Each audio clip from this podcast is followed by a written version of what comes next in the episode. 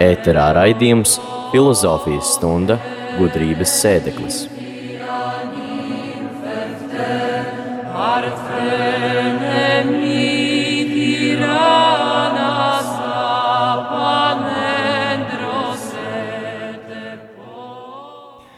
Slavēts Kristus, radio Marija Latvija klausītāji, gan pēc šī ievada džingla man gribās teikt kaut ko grieķisku, bet diemžēl neprotu. Mūžīgi mūžam slavēts āmēn. Jā, studijā ar tevi šeit ēterā esmu es Aija Avotiņa, tu klausies raidījumu filozofijas stunda gudrības sēdeklis, un uh, blakus man ir šī raidījuma veidotāja Māra Kjopi profesori Māra Kjope, filozofijas profesori. Laterāna Pontificālās universitātes filiālē Rīgas augstākajā reliģijas zinātņu institūtā. Paldies! Ļoti izsmeļoša paplašināta atbilde. Tā, Māra, šis ir šajā sezonā jau otrais raidījums, un pagājušo reizi tad mēs uzdevām tādu noslēdzošu jautājumu, kas ir cilvēks. Uh, mēs aicinājām tevi dot š, uh, veselu mēnesi pārdomāt šo jautājumu, kas tad es esmu?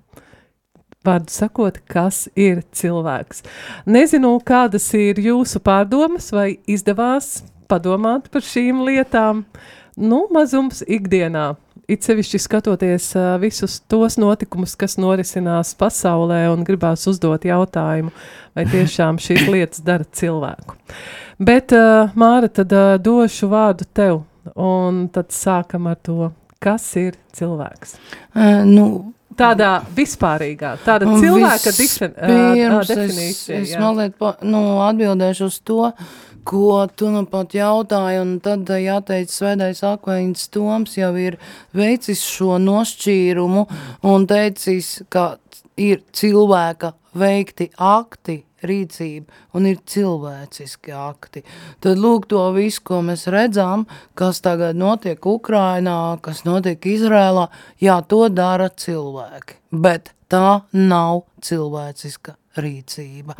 Tātad, ja mēs runājam par to vispirms, kas ir cilvēks, protams, uz to neviens vairs neņemsies atbildēt ar kādu vienu definīciju vai, vai pat ar vairākiem simtiem definīciju, bet mēģina skatīties aprakstoši. Filozofijā vispirms tā ir metafizika, jeb mācība par esamību, kas jo īpaši labi tika attīstīt viduslaikos, un mm, tur ir tas skatījums, ka cilvēks, jebkurš cilvēks piedzimst kā savas cilvēka sugas piederīgais, bet viņam dzīves laikā ir jāsasniedz nu, tāda kā pilnība. Citiem vārdiem sakot, cilvēks ir radīts pēc dieva līdzības un attēla, taču viņam pašam jādara viss iespējamais kopā ar dievu,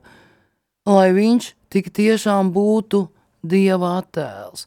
Kā teica viduslaikos, lai Kristus, raugoties cilvēkā, skatītos kā spogulī un kaut mazliet atpazītu sevi.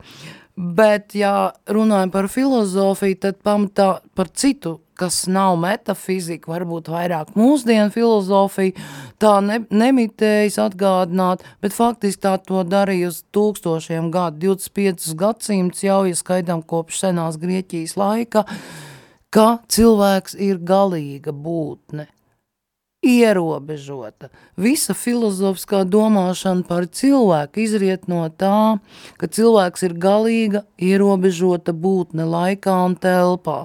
Viņš piedzimst noteiktā datumā, viņš aiziet no šīs dzīves, bezgalīgi ir tikai mūžība. Viņš nevar pārvietoties telpā, kad viņš iegribas, viņam ir jāceļas kājās, kaut kur jāiet vai jādodas uz lidostu un kaut kur jālido pāri pasaules kontinentiem. Uh, viņš tātad ir ierobežots, un tā ir tā apziņa, ko visu laiku filozofija atgādina. Tālāk varētu teikt, nāk klāt, teoloģiskais skatījums, ja, un teiks, jā, bet mūžīgā dzīve ir bezgalīga, bez šaubām, ja, bet lūk tā bezgalības apziņa sāks no šīs apziņas, ka es esmu galīgs, es esmu ierobežots. Ko es varu izdarīt? Es varu kaut ko labu un tikai labu censties darīt visu savu dzīvi. Bet šī izpratne par to, ka cilvēks ir galīgs, jau ir jau no pašas filozofijas pirmsākumiem. Jā, Arī, arī nu, tas, teiksim, senā Grieķija ir, ir, senā Grieķija ir Eiropas filozofijas pirmsākuma, bet kā norāda Jānis Pāvils II, par kur mēs runājām pagājušo reizi, viņa enciklikā par ticības un prāta attiecībām, Fides et ratio, kādā nu, brīnumainā kārtā tieši 6. gadsimtā pirms Kristus vienlaiks pilnīgi atšķirīgās pasaules malās rodas filozofija. Tad sista... Sastā gadsimtā pirms Kristus. Jā, senajā Grieķijā, senajā Indijā un senajā Ķīnijā. Ķīnā. Ķīnā. taču vienīgi, atvainojos, taču vienīgi Grieķijas nu, filozofija gūst tālāku attīstību, kad tā faktiski sevi izsmēlas, tāpēc, ka sastopas ar kristietību un Kristīgie domātāji var izmantot grieķu filozofijas struktūras un veidot teoloģiju, veidot kristīgo metafiziku, iziņas teoriju un tā tālāk.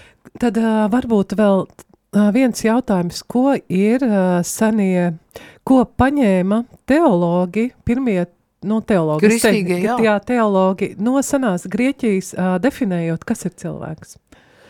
Vai Kas, nu, tu teici, ka viņi pārņēma mm. šīs sistēmas, vai kaut ko viņi arī nu, pār... No, ir tā, ka viņi to pārņēma kritiski. Viņi šķīstīja senās Grieķijas domu, un var teikt tieši jautājumā par cilvēku, viņi neskatījās uz seno Grieķiju, viņi skatījās uz atklāsmi. Ja?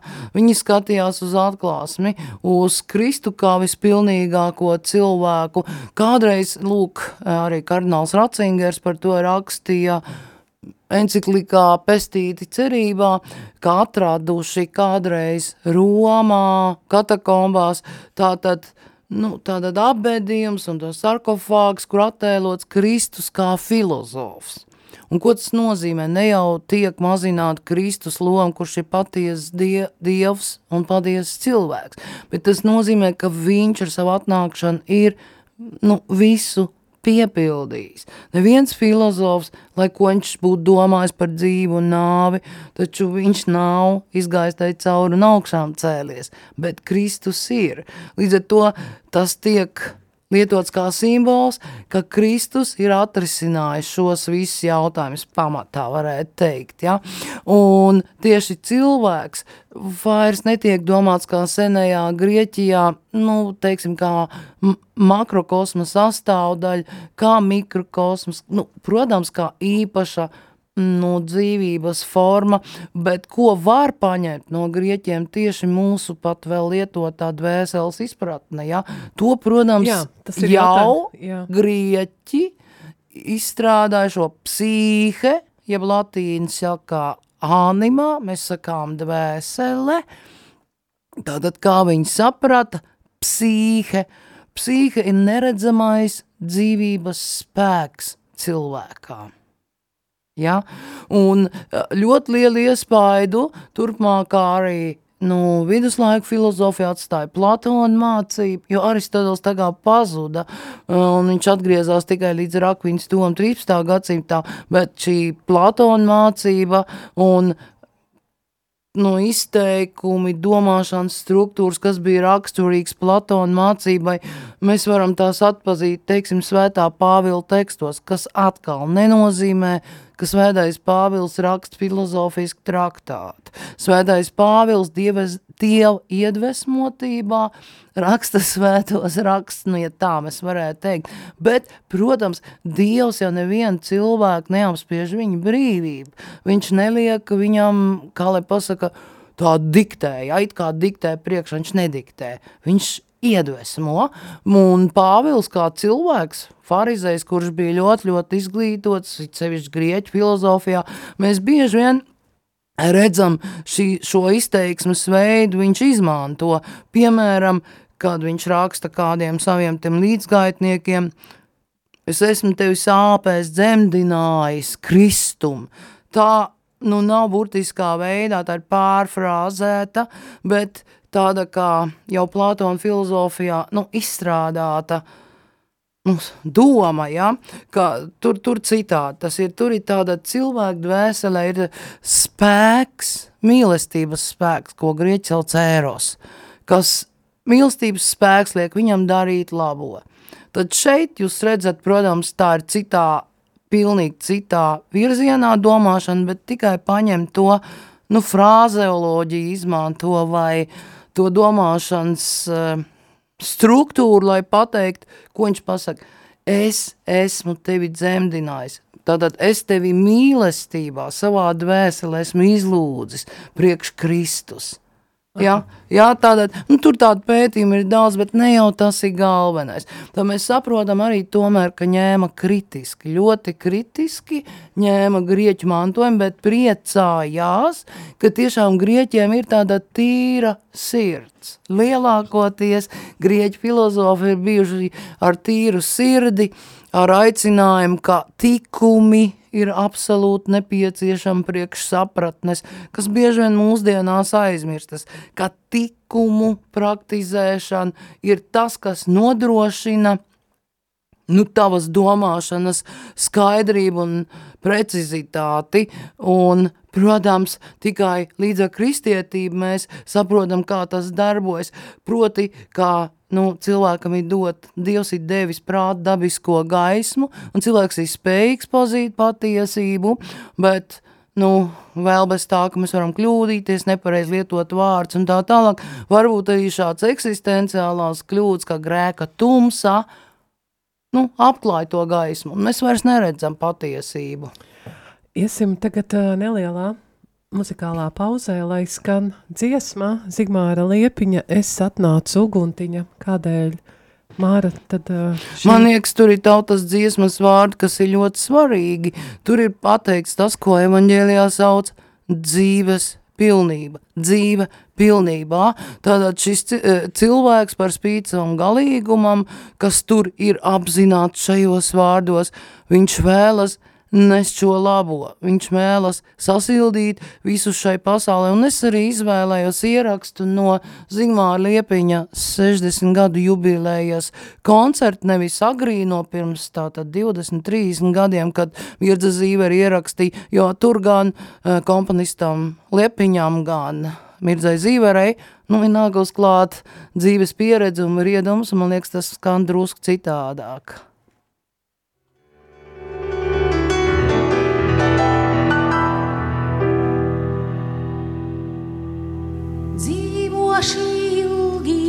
Ne tik ilgi, saules mūžu nedzīvošu. Ūdentiņas, akmentiņas, piedzīvos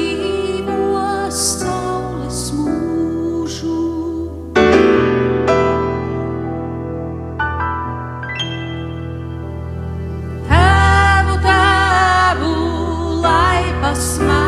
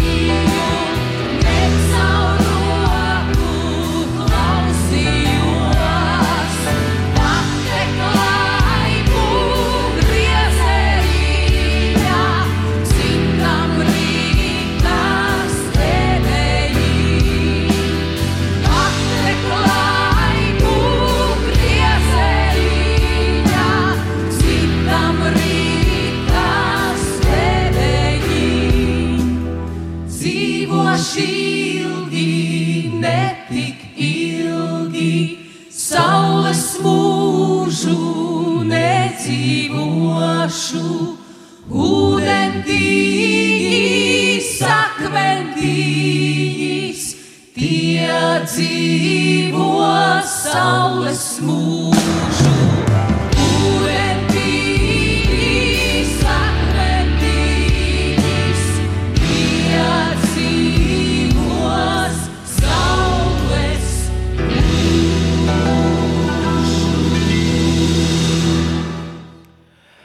Radio arī klausītāji, tu klausies uh, filozofijas uh, stundu, gudrības sēdeklis, un uh, ēterā tevi kopā šeit ir uh, filozofijas profesore Māra Kijopa, un blakus esmu viņai es, Aija Avotiņa.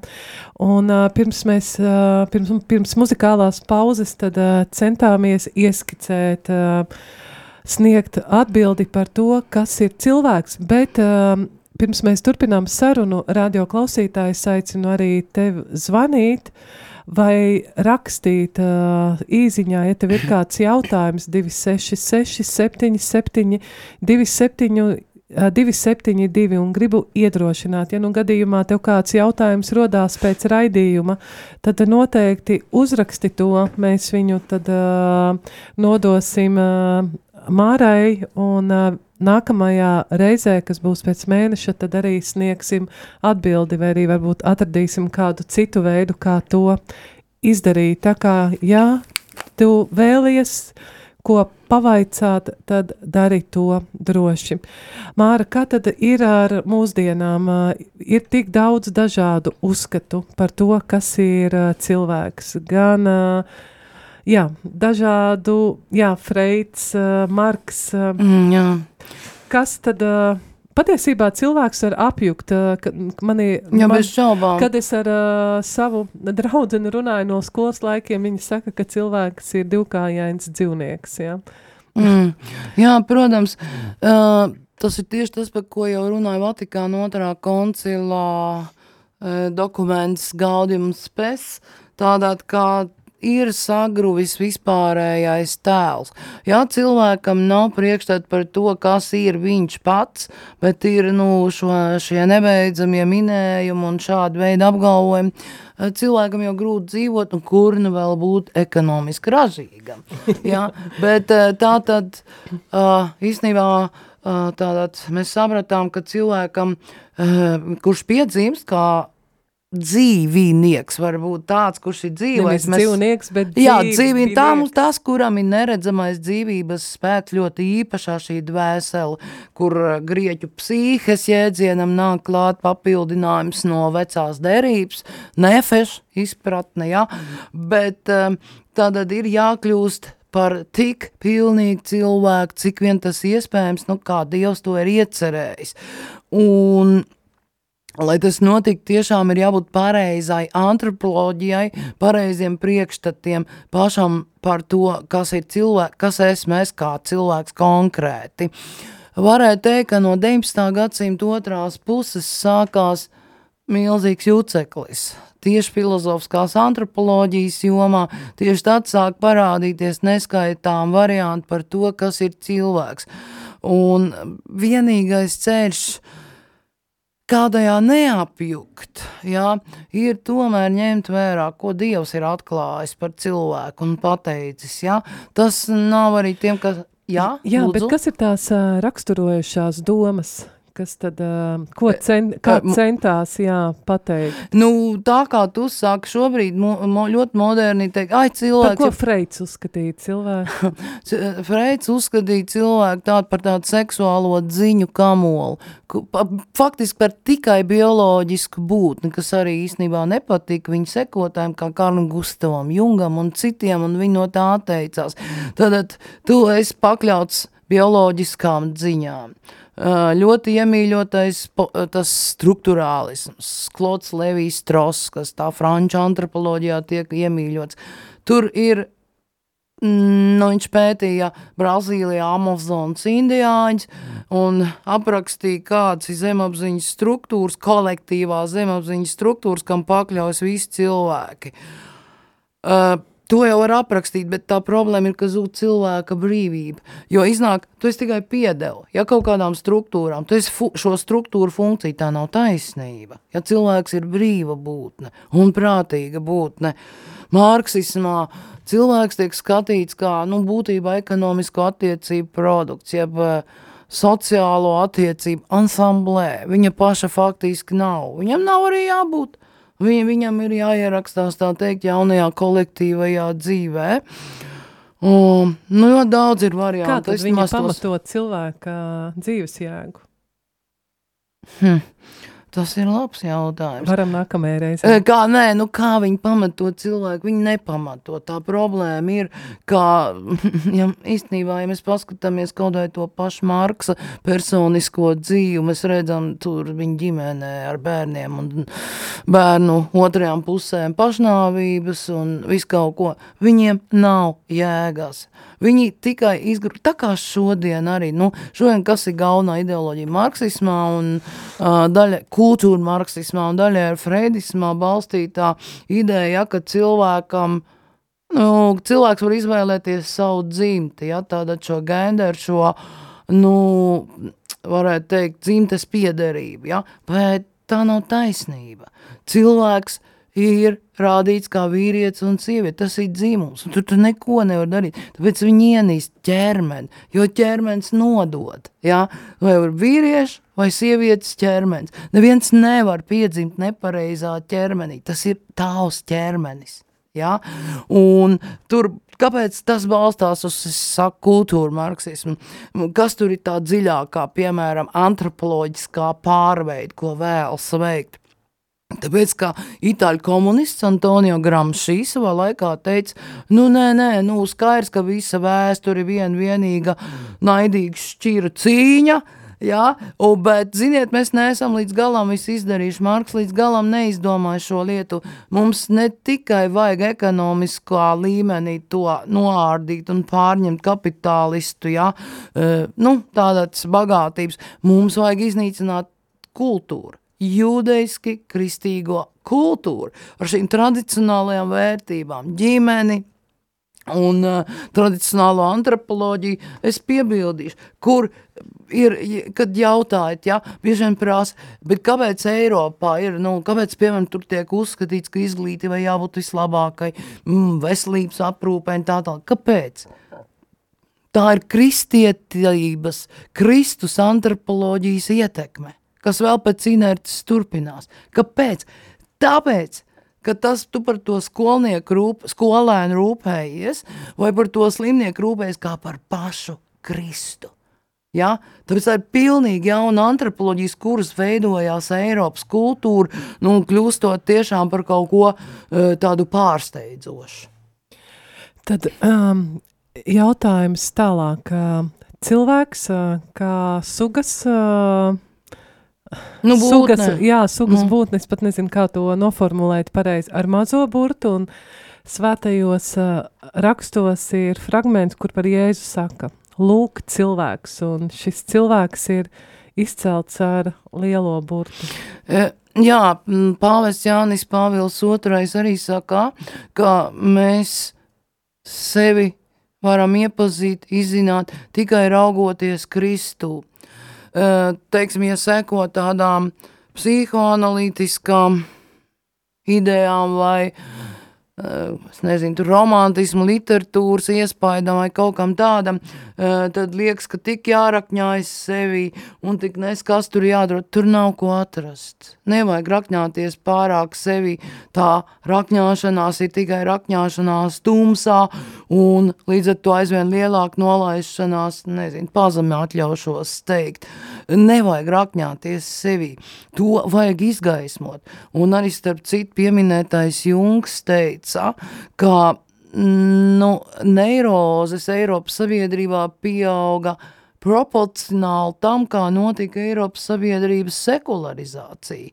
Tāpēc, kā agrāk cilvēki nezināja, kas ir jēgas trūkums, kas ir dvēseles tumsa, viņi gāja pie grēksūtas un viņi to dvēseles tumsu izgaismoja.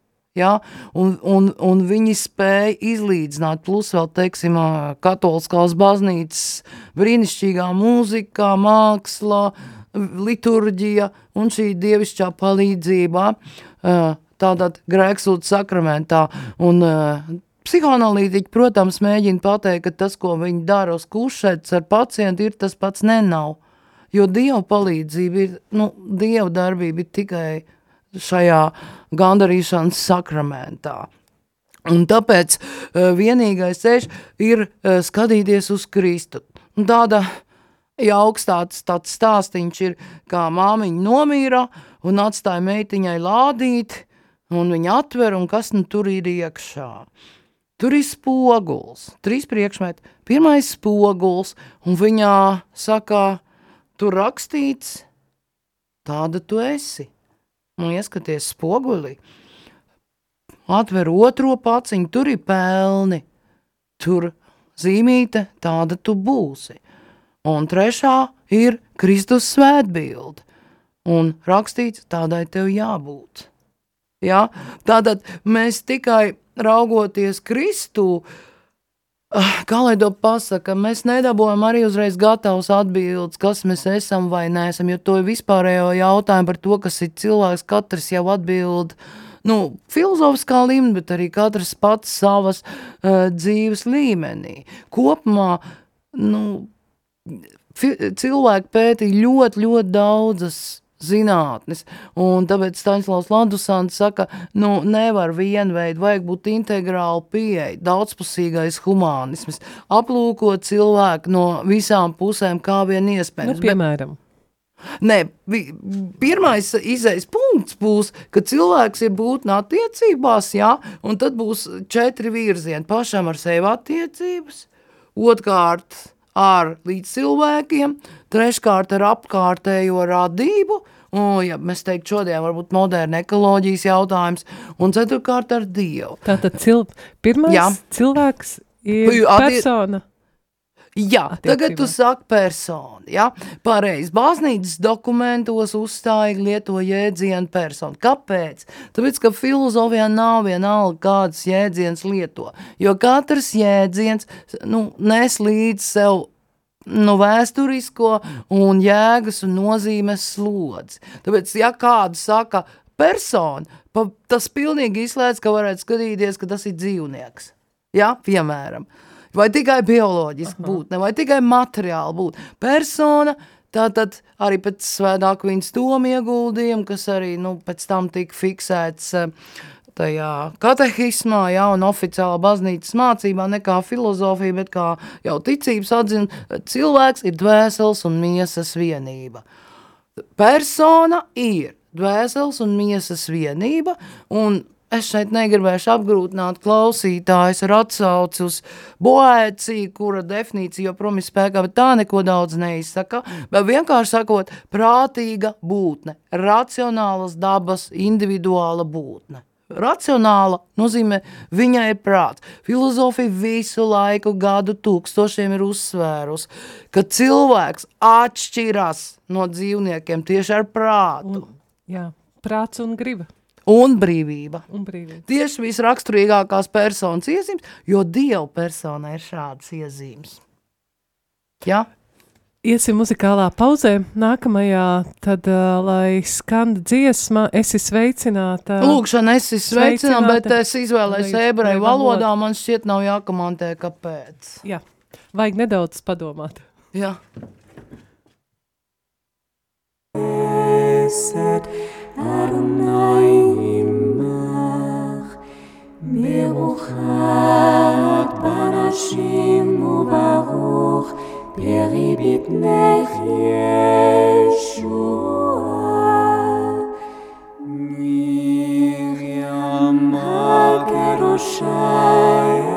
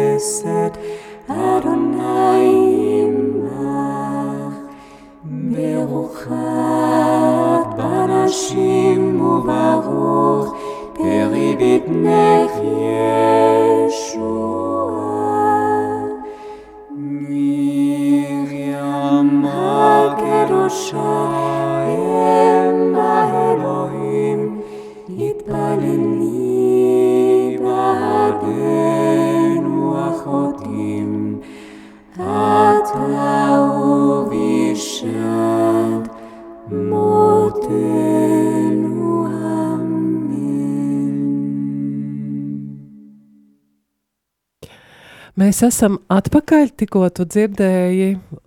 Esi sveicināta Marija. Ere, ebreju valodā, starp citu, mums arī litānijā ir vārdi, kad mēs sakam, no šejienes arī nāk šī raidījuma nosaukums - gudrības sēdeklis. Jā, par Mariju, kad sakām, gudrības sēdeklis lūdz par mums.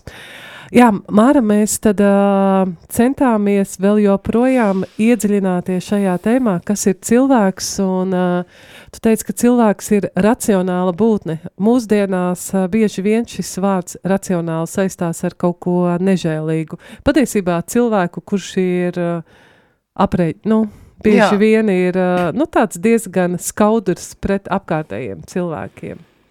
Mm, nu, Nu, tur, tā, labi, varbūt tas tā ļoti asi Nē, nu, racionalitāte, mēs jau viņreiz runājam, racionalitāte kā tāda tiešām nozīmē mm, nu, prāta darbību, jā. Nu, Eh, rācio. prāt. Rācijā, jā, kāpēc tad enciklika Jānis Pāvils II nosauca, nu, eh, tāda fidzēt rācijā prāts, jā. Un cilvēks, eh, tas, ka cilvēkam ir prāts, dara cilvēku spējīgu būt līdzdalīgam dievišķajā pārvaldē, atkal kā mācis svētais Akvīns Toms, Dievs uztic cilvēkam nu, šo zemi, kas sākotnēji ir Dieva dārs, karmel, jā, karmels, un tā tad, eh, ko mēs ar to izdarām, mēs to esam jau pamatīgi izpostījuši, un runājam par ekoloģiskām problēmām, kas, protams, izriet no morālām, un uh, nesam nelietīgi li, lietojuši prātu. Tā skaitā, nu, racion, mēdz teikt, jā, racionāli, augstasinīgi, teiksim, eh, paveic kādu noziegumu, bet eh, vārds jau var lietot dažādi. Tas neizslēdz to, ka vārds racio nozīmē prāts. Bet cilvēkam, protams, vēl ir emocijas, griba šī daļa dvēselē, un visam būtu jābūt līdzsvarā. Mhm. Tā, tad uh, ejot tālāk, mēs uh, runājam, ka cilvēks ir persona attiecībās, nevis dzīva būtne attiecībās, bet tieši persona attiecībās ar Nu, sevi, jā, ar mēs- Dievu, ar apkārtējo dabu Jā. un līdz cilvēkiem. Jā. Kā vēl var apskatīt, pētīt, uh, kas ir cilvēks, kas vēl ir šie veidi? Ā, Cilvēki, nu, protams, ka to pēt jau arī dabas zinātņu līmenī, bioloģija, ne, e, mūsdienās ļoti attīstītā neirozinātne, kas brīžiem nonāk pretrunā ar varbūt ticības jautājumiem, tāpēc kaut ko tur pārspīlē, bet e, pēta. E, Tad, pēksim, to pētīja kulturoloģija, skatās, kā cilvēks veido kultūru, kādu simbols, kā eh, kāds ir likumsakarības vēsture, jebkur humanitārā zinātne, vēsture pētīja šo pēc, to, pēc artefaktiem, ko cilvēks ir atstājis, pēc liecībām, kāda ir bijusi viņa dzīve, kā tā mainījusies, un tajā visā izpaužās cilvēciskums, bet visu laiku viņš tā kā parādās katreiz savu aspektu, parāda noteiktā laikmetā, noteiktā valstī, zemē, literatūra, protams, pētīt cilvēku literatūru zinātni, filoloģiju, tā kāds ir palicis cilvēku tēls, kā aprakstīts viņa tur kaislības un pārdzīvojumu un risinājumu dažādu nu, laikmetu, atkal dažādu tautu literatūrā. Faktiski viss humanitārā zinātne, socioloģijas, teiktu, maz mazāk, viņi nepētīja cilvēku kā tādu, viņu, nu, uh, anketē cilvēku, aptaujā faktiski kādi cilvēki priekšstat kaut kādā sabiedrībā par tādiem vai citiem jautājumiem, jo Kā ierakti, darbojas cilvēka racio? kā Nu, ja, darbojas. nu, ja pēta, ja anketē, tātad kā darbojas cilvēka prāts? Nu, to arī var, jā, pēc tam, Nu, nu, kā tā. cilvēks pauž priekšstats, tā kā tagad, piemēram, Amerikas un tās valstīs ir kārtīgs skandāliņš par to, kā tad ir augstākās izglītības kvalitāte, ja tur uh, studenti un profesori uh, saugā Izraēlu par terorismu valsts, nevis, teiksim, Hamas grupējumu un, un tā tālāk, tad kādi viņiem ir morāli orientieri vispār, jā? Jā. Ja tādā rācio nozīmē arī saprast morāls princips, to prasa no cilvēka personas. Cilvē, ētika, ētika ir ļoti racionāla šeit. Iedziļinies vārdā racionāli, piemēram, stāstīja kādreiz, saka, nu, laukos cilvēki dzīvoja, cilvēks pļauj pa ļavu, nu, tur tālu kaimiņi vai kas, viņš tomēr paņēma un uh, nevis ādu nomet izkapt, viņš uzkar viņu kokā redzamā veidā, Uh, ja nu tomēr kāds cilvēks iet vai lops, lai nesagriežas, tas ir ētiski, ir ētiski, bet tā ir racionāla domāšana, domāšana par ko? Par otru cilvēku, ja? par apkārtējo radību. Tā ētika nozīmē vienkārši laba vēlēšana un izdomāt, kā viņam nu, sagādāt labumu, nevis tikai apgrūtināt viņa dzīvi un ļaunumu. Tad, Kristīgā filozofija, vai tu vari lūdzu nodefinēt, kas ir cilvēks kristīgā filozofijā? mm, vienā vārdā persona. Dvē- Vēseles un miesas vienība. Un es šeit, starp citu, gribētu nelielu komentāru. Arī mūsu kato, nu, katoļiem, mm, ticības brāļiem un māsām, es esmu tiešām nogurus no tā, kā arī katoļi lieto šo trīsdaļīgo dalījumu dvēseli, miesā un gars. Ga, katehismu atšķiram, kas tur teikts. Cilvēks ir dvēseles un miesas vienība. Dve, e, nu, tur tā nav pārāk daudz skaidrots. Gars ir tā kā, nu, kā jau pasaka, nu, tur teikts tā kā vārds, cits, ar kur apzīmē ir dvēseles darbība vai tam līdzīgi. Ļoti tā vienkāršot sakot, nu, tā ir varbūt speciāla, nu, josla, es nezinu, kā to pateikt, e, cilvēku dvēselē pati augstākā, e, potenciālitāte, iespējami, kas viņā ielikt, lai viņš varētu komunicēt ar svēto gāru un kas atveras, kļūst aktuāli pēc kristības. Ja, tas ir gars. Vienkārši problēma, tad, tad pietiek, ja saka, cilvēks ir dvēseles un miesas vienība. Tas jau ietver to garu. Tas eh, trīsdaļīgais, protams, eh, viņi tur atsaucās uz svēto Pāvilu, bet problēma saistās to, ka pareizticīgā teoloģija to nav līdz galam izstrādājusi, ja? un tāpēc viņi lieto to trīsdaļīgu, viņi paliek pie tā senā dalījumu, viņi neskat, ja? jo tad, nu, kas tad ir tā trešā daļa? Viena ir garīga, otra ir materiāla. Kas tad ir tā trešā? Vai nu viena vai otra? Nu, tā tad garīgi, tad vēseles daļa tā ir. Vai ievērosim, ka Pāvils saka, ja tur grieķu vārdu, ko viņš lieto, tas ir nūs. Un zini, ko tas nozīmē? Tas nozīmē prāts, domāšana. Un zini, kur ir problēma? Visi runā par to, ka vajag sirds atgriešanos, bet vēl grūtāka par to ir prāta atgriešanās. Metanoija Atgriešanās. nozīmē domāšanas atgriešana pareizā veidā pie Dieva, jo no domāšanas tavas izriet viss. Tava darbība, tava saprašana, tava aktivitāte, viss izriet no domāšanas, kurai ir jāsaskaņojas ar Dievu, nevis jāmēģina Dievu pakļaut savai domāšanai. Uh, mums vēl nedaudz laika ir, tad uh, cilvēks ir uh, miesas un garvienība, ja? Miesas un dvēseles Jā, miesas un dvēseles nu, vienība gars iekļaujas dvēseli. dvēseli, jā. Jā, Seniem ebrejiem viņi īpaši izcēla sirdi. Ja? Sirds. jā. Jā, ko, ko viņiem sirds ietvēra? Šis uh, Nu, es- sirds jēdziens. Nē, ja tu, nē, Nē, esmu satikusi senos ebrejus, bet nu labi, labi.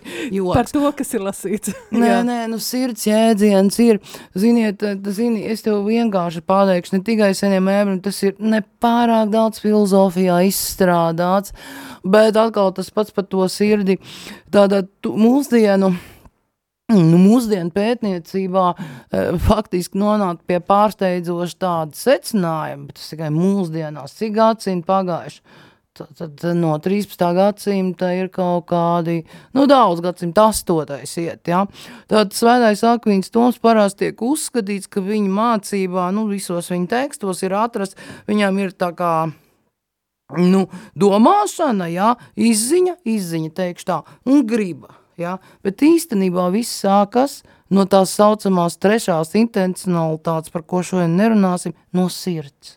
Saprot, akviņas Toma, viss tātad personas izziņas un gribas akti sākas no sirds, kas ir pats centrālais kodols personā.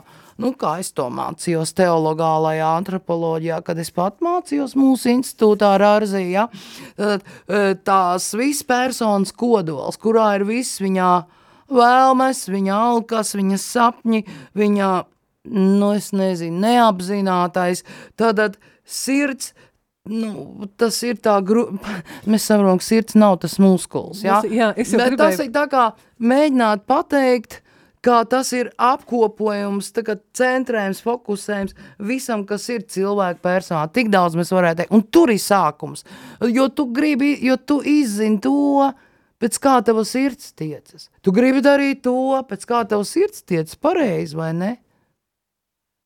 Tad, tad jā, es uh, gandrīz domāju, vai sirdi var identificēt ar dvēseli. Nu tā. Man liekas, ka nevar. Ka tas īstenībā Nu, es jēdziens Nē, nē, es tiešām nevarētu šodien izk... Es vienmēr, nu, saku studentiem, es saku, nu, ieklausies, ko uh, magnifikāt lūkšanā, ja, ko visvētākā jaunā Marija saka, ja. Viņa saka, augstī slavē kungu man dvēseli. Tā ir kaut kāds centrs, no kura viņa runā pat uz savu dvēseli, ja. Un uh, es starp citu gribētu piebilst, ka tagad 20. datumā šīm Meģigoras vizionāram Ivanam bija šī privāta atklāsme, un Dievmāte atgādināja, ka tik tiešām pat labā miers ir tik apdraudēts kā nekad pasaulē.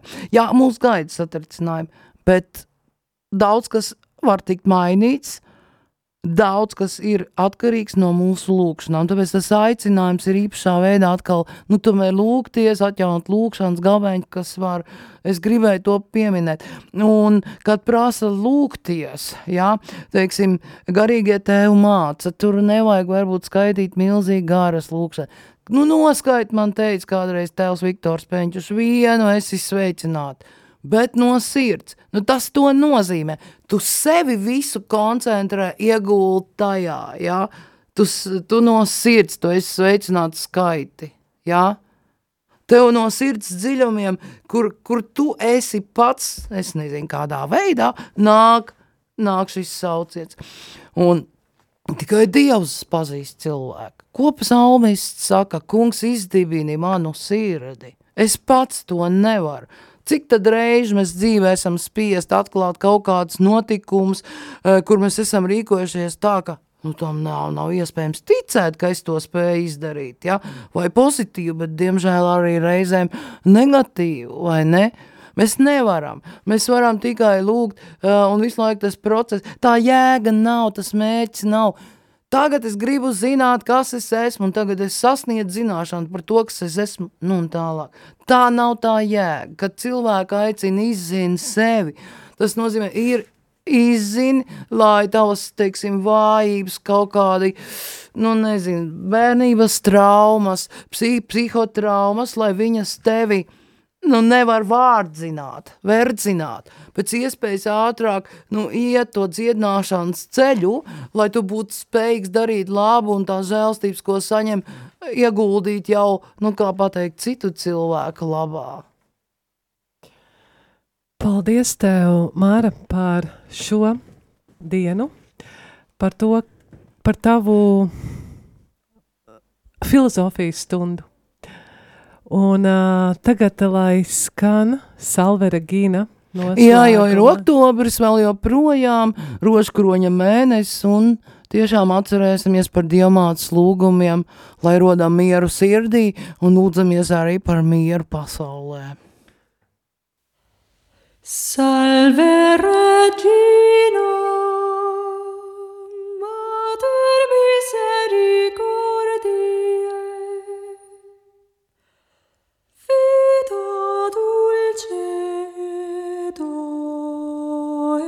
spes nostra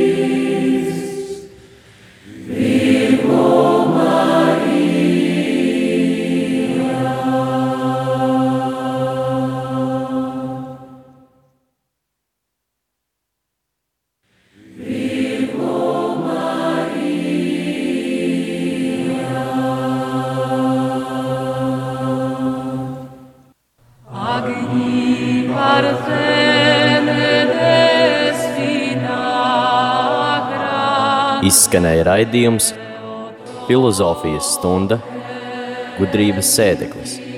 To vadīja filozofijas doktore Māra Kiope.